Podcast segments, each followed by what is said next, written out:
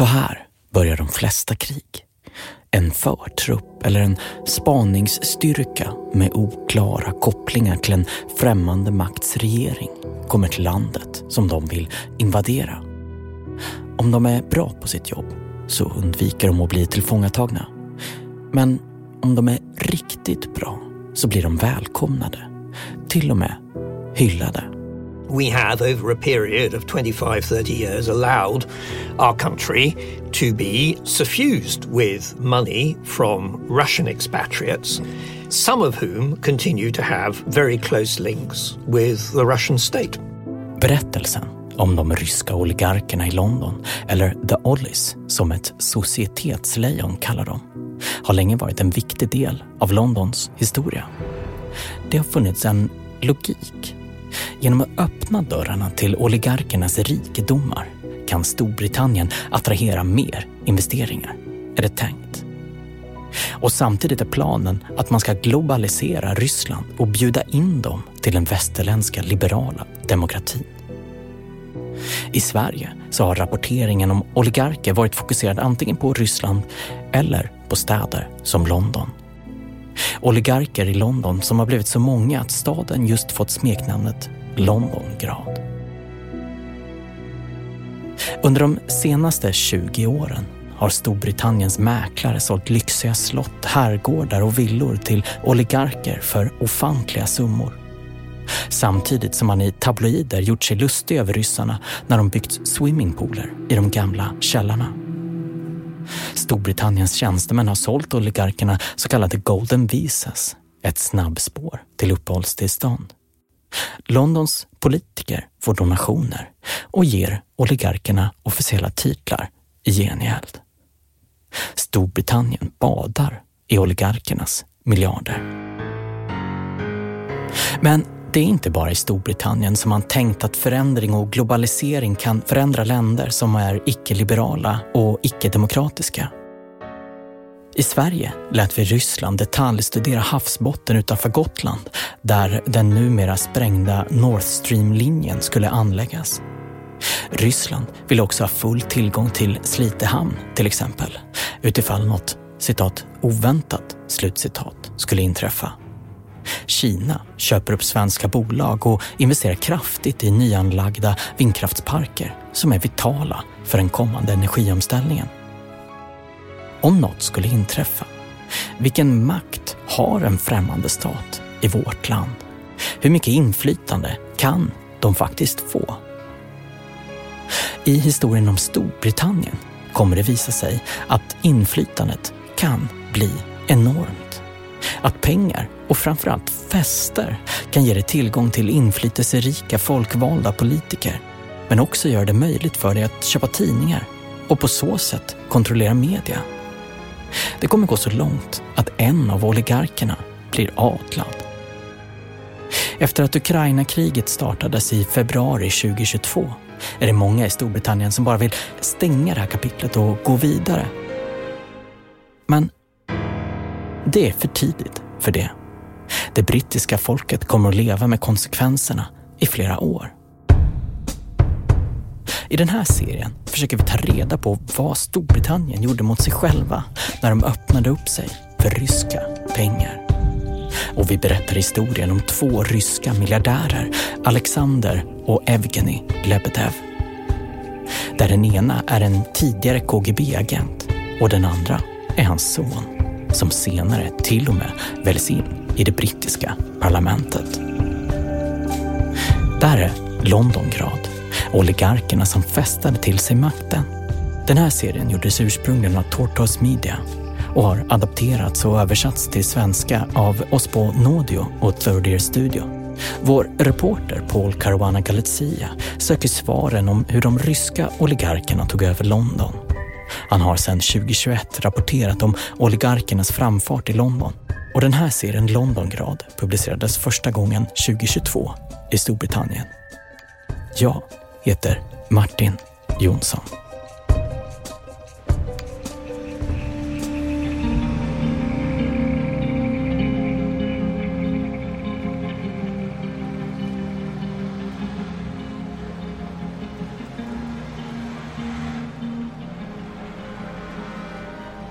För oss i Sverige kan den här historien om Londongrad stundtals kännas lite förvånande.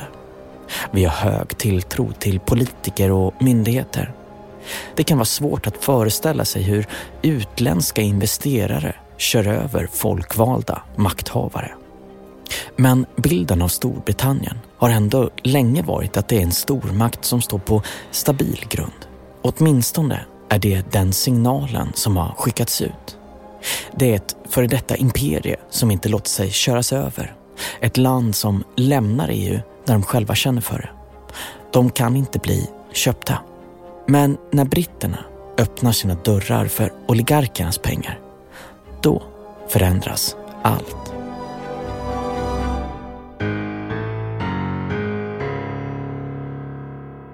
I samma ögonblick som oligarkerna anländer till London vet de exakt var de ska köpa egendom. Inte var som helst i London, utan vart exakt i stadsdelarna Kensington och i Chelsea som kan ge den högsta statusen och mest inflytande. De vet precis vilka advokater som de ska ge instruktioner till, vilka politiker de ska bli vänner med och vilka journalister som de ska uppvakta. De anlitar till och med rätt kända och inflytelserika inredningsdesigners. So Abramovich rang up and said he rented this house for a year or sometime. Could, could we do it? But very, we did very stylish things. I did it with my Canadian partner Colette Van der Tullo. And he hated it. He absolutely hated it. Längst fram i den här ryska förtruppen finns två män. Och det är de två som är huvudpersonerna i den här berättelsen om Londongrad. Den första, det är Alexander Lebedev. Ever since I've started the banking career, I, I was campaigning against the corrupted fraudulent bankers.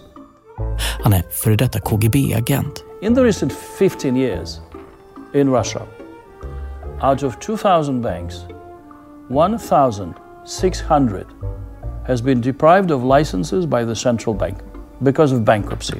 Han är mannen med pengarna och som vi senare kommer att få se, mannen med planen. Now I, I will take a bet that all of those banks were linked to the money being stolen from the banks by their owners. Alexander Lebedev blir hastigt och snabbt väldigt rik när Sovjetunionen faller samman 1991. Men planen han satt i verket för att överta London är noggrant planerad. Evgenij Lebedev är Alexander Lebedevs son. Under många år ser han ut att vara en obetydlig festfixare. Men så kommer det inte alltid vara.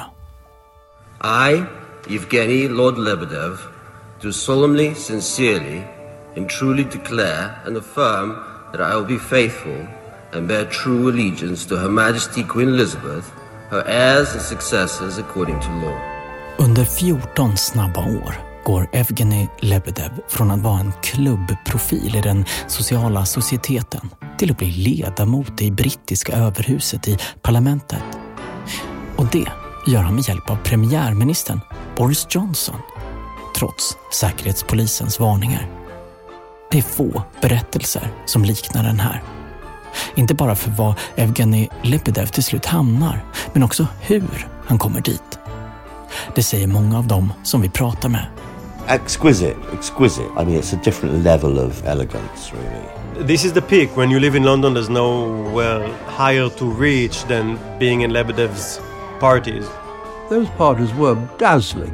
The amount of fame in the room was breathtaking. Nobody ever got so many famous people in the one room at one time as Evgeny. It really was extraordinary. Every actor, every politician, every model, everybody went to it.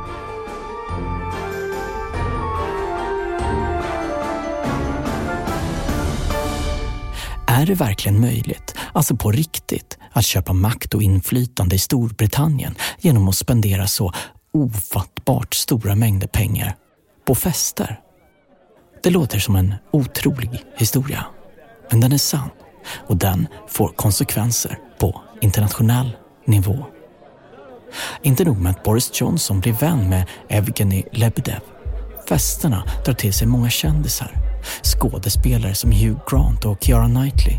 men också artister som Elton John och många supermodeller. Evgeni Lebedev blir också tillsammans med flera kändisar. Bland annat skådespelarna Elizabeth Hurley och Jolie Richardson. Men också en tidigare Spice Girl, Gary Halliway, känd som Ginger Spice. Och festerna blir tillräckligt flashiga för att distrahera folk från det som sker bakom kulisserna. I think until my dad died everything was really below radar. Det här är Anatoly, son till den ryska Putin-kritikern Alexander Litvinenko som blev mördad i London 2006. So like a big, it was quite a big story when Abramovich bought Chelsea. Like, oh, here come these like Russian oligarchs. But it was all very hush hush. And so I think the thing that there's some British people who were taking money, who were dealing with Russians, you know, who were like facilitating dubious Russians coming to this country. I don't think they realized how close to home the danger actually was. För MI6-agenten Chris Steele är det runt 2006 som allt börjar. So I think 2006 was probably the year in which, by the end of it, I had concluded that we had a serious problem in Russia. Är det verkligen möjligt att Storbritannien viftar bort lönnmord på brittisk mark? Bara för att det är obekvämt att det kan försämra relationen till Ryssland och ryska pengarna. Vissa menar att det är just så. Ända fram till Vladimir Putins invasion av Ukraina som gjorde det omöjligt att titta åt andra hållet. Alexander och hans son Evgeni Lebedevs tid i London går tillbaka flera årtionden. I den här serien kommer vi berätta hela den historien. Men vi börjar runt 2006. Det är ett stort år för familjen Lebedev och också en vändpunkt. Och det vänder precis på en fest där författaren och journalisten Atish Tassir är med. It was one of those endless summer evenings, you know, one of those days when like, the light just won't seem to really kind of fade at all. Bara att Atis Tassir får tag på en inbjudan säger något om honom. Han är en författare vars böcker sträcker sig från islam och identitet till Tassirs relation med sin egen pappa. Hans pappa var guvernör i den indiska delstaten Punjab fram tills han blev lönnmördad. Idag bor Tassir i New York med sin man. Men 2006 då var han ihop med Ella Windsor. Hon tillhör den brittiska kungafamiljen. Hennes föräldrar är prinsen och prinsessan Michael av Kent. And um, through her, I suppose the world of uh, a kind of aristocratic social London opened up to me. And it was a very enclosed world, you know, bruff tea and toffee and bucky, and, you know, the kind of almost like a parody of English uh, upper class life, uh, country houses and uh, a nightclub called Bougie, För Tassir är det som att leva i en parodi på den brittiska överklassen.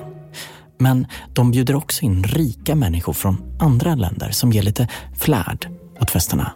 there was a sort of international element too. They were kind of glamorous foreigners. And, and Geordie Gregg, who was a, a, kind of, I would describe him as sort of social fixer of sorts. He was pretty ubiquitous around as well, always trying to get someone to go somewhere because that was sort of his cachet.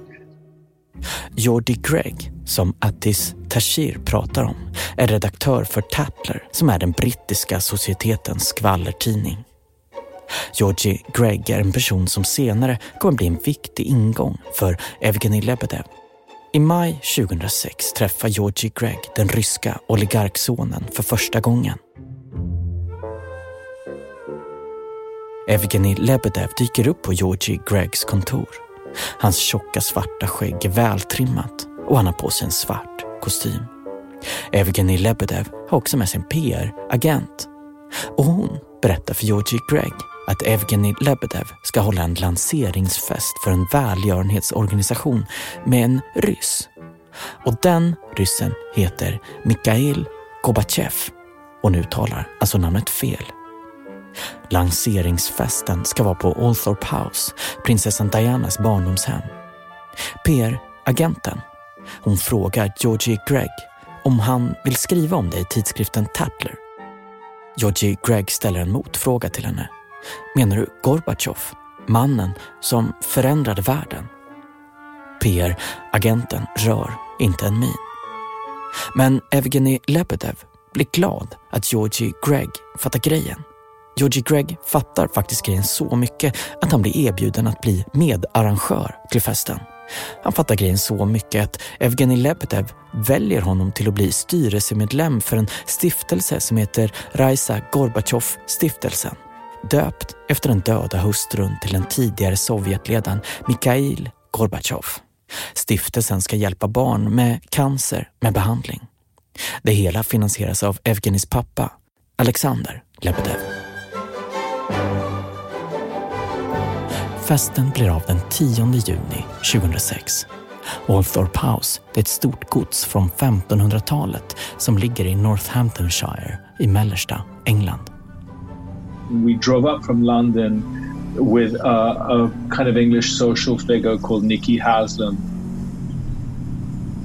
Författaren Atish Tassir berättar om hur han åkt dit i en bil med den kända inredningsdesignern Nicky Haslam drinking like rosé on the way and arrived in this extraordinary house, which I was very much aware of as being Diana's house. And there were, I feel like I want to say like there were contortionists hanging from the trees and acrobats and like a kind of Russian circus atmosphere. Under festen rider kosacker in från skogen med en hästballett. Juvelutsmyckade kameler stampar runt på området och det serveras rysk stör kaviar i guld. På scenen spelar The Black Eyed Peas, men också Gorbatjovs favoritband The Scorpions.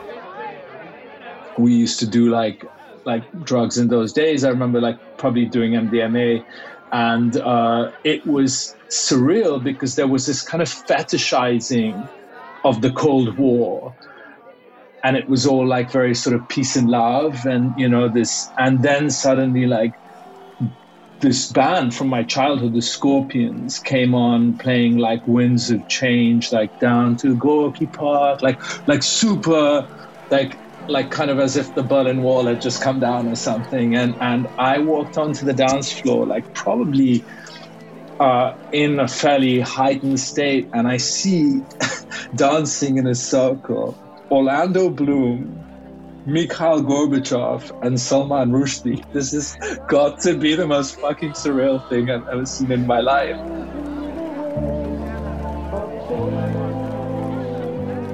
På festen hålls en aktion där gäster kan vinna en guidad visning av Ermitaget i Sankt Petersburg som är världens största konstmuseum. Eller en flygtur i det ryska jaktflygplanet MiG-25 Budgivarna kan också vinna en middag med självaste Mikhail Gorbatjov. Eller så kan de bjuda på Christina Aguileras smycken eller Tracy Emmons konstverk. Det är inga småbud som läggs. Aktionen samlar in en och en halv miljon pund till stiftelsen. Det är alltså cirka 20 miljoner kronor. Det är alltså en halv miljon pund eller 6,7 miljoner kronor mindre än vad det kostar Alexander Lebedev att arrangera själva festen. Det här det visar hur mycket ekonomiskt överflöd som finns i den brittiska societeten. Och inte bara det, det visar hur mycket Evgenij Lebedev längtar efter att få släppas in där. Och hur beslutsam hans pappa Alexander Lebedev är för att lyckas. De spenderar sina pengar för att imponera på människor som annars skulle se ner på dem.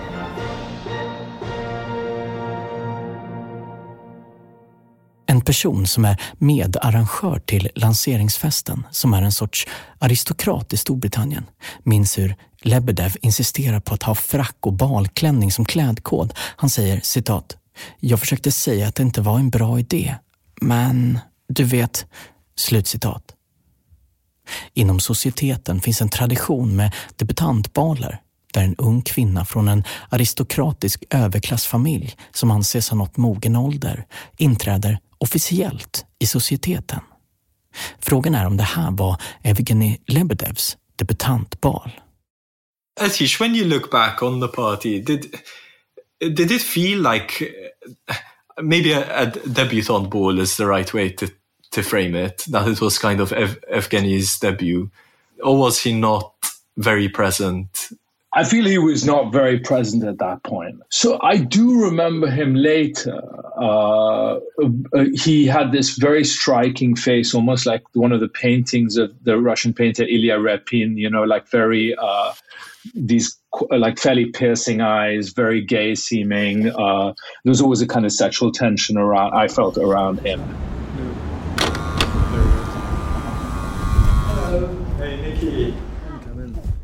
Men Nicky Haslem, inredningsdesignern som åkte upp till festen tillsammans med Tassir med ett roséglas i handen, minns inte riktigt Evgeny Lebedev på samma sätt. People were attracted to him in a funny way. He just had that magnetism. Sort of quietly, he listened very well, but he didn't talk much. But he, he was and is an extraordinary person in a way. There's something about him. No question. Lady Dianas barndomshem, Althorpe House, banade väg för fler fester, mer överflöd. De bästa festfixarna, India Langton och Amanda Ferry, de bästa cateringarna, Cellar Society och Urban Caprice. Evgeny Lebedev insisterar på att använda fotomodeller som servitriser och han är i det närmaste besatt över gästlistan.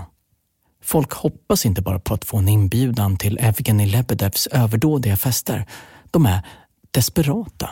It was extraordinary how he gathered people.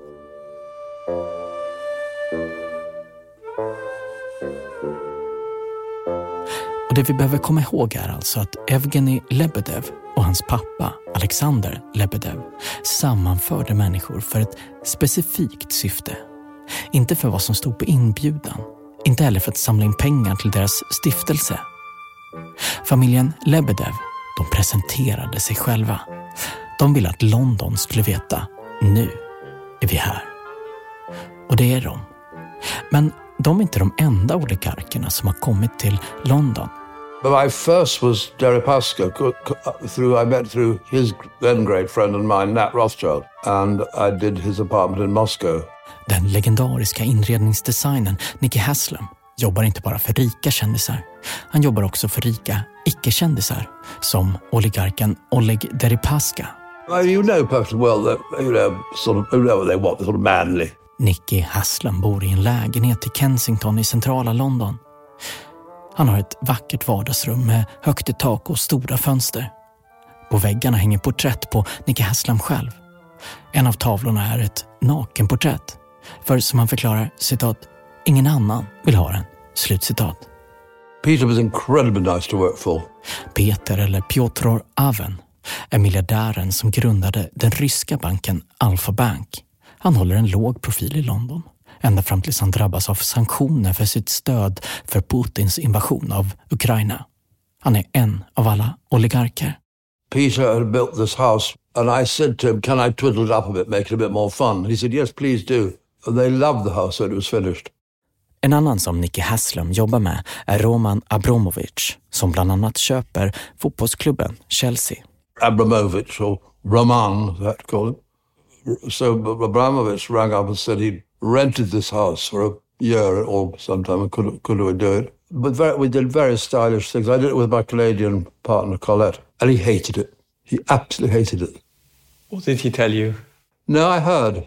He never. He was never rude about. It. He never said to me that. He never said we had. He just. I just. I just heard that it wasn't what they wanted, and he really just wanted sexual leather sofas and a huge TV. You know. Very manly. Yeah, very manly. But he couldn't have been nicer about it. Paid. They all paid wonderfully. Det är inte bara inredare och arkitekter som får tjocka lönekuvert. Advokater, bankdirektörer, revisorer och mäklare också. Oligarkerna sätter inte bara sprätt på mycket pengar. De verkar också veta precis hur de ska använda pengarna.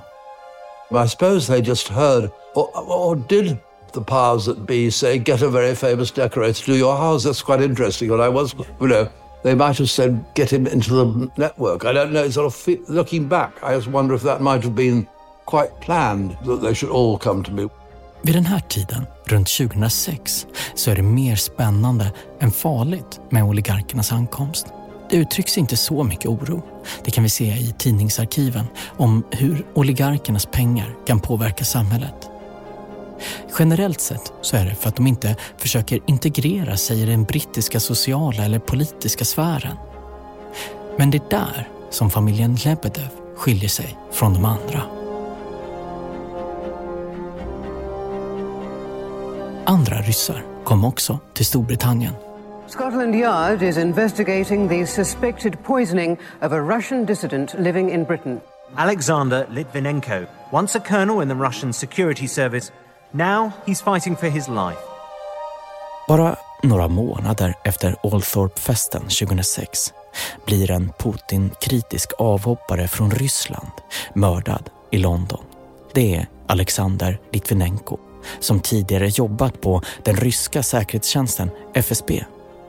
I början av 00-talet skriver han flera böcker där han beskriver FSB som en terrororganisation.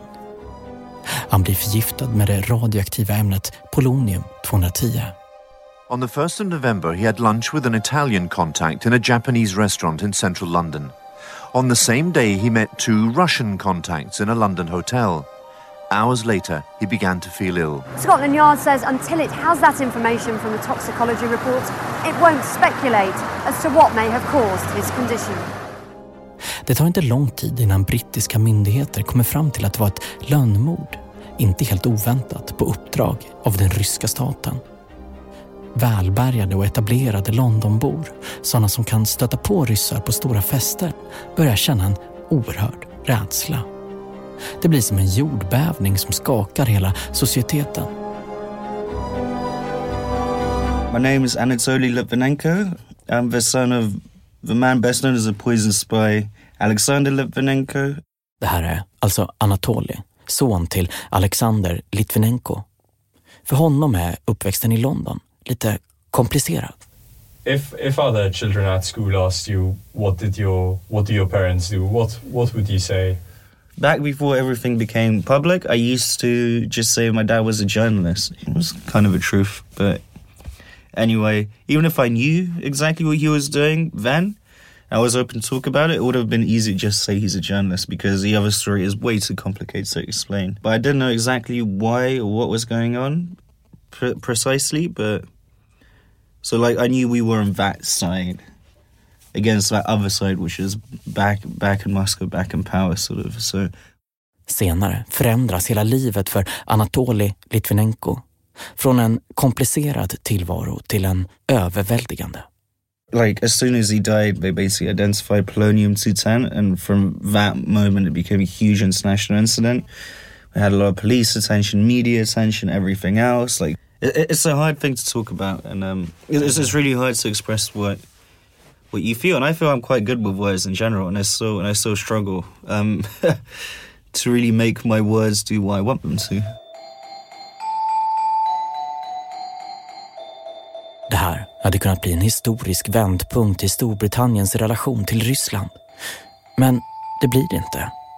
Lönnmördarna lämnar ett spår av det radioaktiva giftet polonium 2010 på 40 olika platser i centrala London. Men polisutredningen stoppas upp efter det att Ryssland vägrat att lämna ut de misstänkta. Så Anatolis mamma, Marina Litvinenko, hon börjar kampanja för en offentlig utredning. Theresa May är vid den här tiden Storbritanniens inrikesminister och hon vägrar en offentlig utredning på grund av att den kan skada landets relation till Ryssland. Och regeringen har bra relationer då med vissa ryssar trots att förgiftningen av Alexander Litvinenko inte kommer att bli det sista giftmordet på en rysk dissident på brittisk mark. Och trots att några i Storbritannien försöker höja en varningsflagg. So I think 2006 was probably the year in which, by the end of it, I had concluded that we had a serious problem in Russia. Chris Steele driver idag en privat underrättelsebyrå. Det är de som ligger bakom Steele-dokumenten, rapporten som 2016 anklagar Donald Trumps valkampanj för samverkan med Moskva under presidentvalet i USA. Men innan det jobbar han för MI6, Storbritanniens militära underrättelsetjänst, där han är chef på Rysslandsavdelningen. But sadly, that our politicians and policymakers were not taking it seriously enough. There was just no appetite really for revising our view of Russia and in, in addressing what was growing out of it, the sort of the virus that would, would come later. We have, over a period of 25, 30 years, allowed our country to be suffused with money from Russian expatriates. Det här är Dominic Grieve. Han är jurist och har tidigare varit ledamot i parlamentet för det konservativa partiet och statsåklagare. Some of whom continue to have very close links with the Russian state. När parlamentet inleder en utredning över ryskt påverkansarbete i Storbritannien blir han ordförande för kommittén. Vi kommer att höra mer om det i ett senare avsnitt. Dominic Grieve berättar att efter Sovjetunionen föll 1991 vill den brittiska regeringen locka till sig investeringar. The welcome started with the fact that back in the 1990s, at a time when the Iron Curtain had broken down, the UK government wanted to attract inward investment.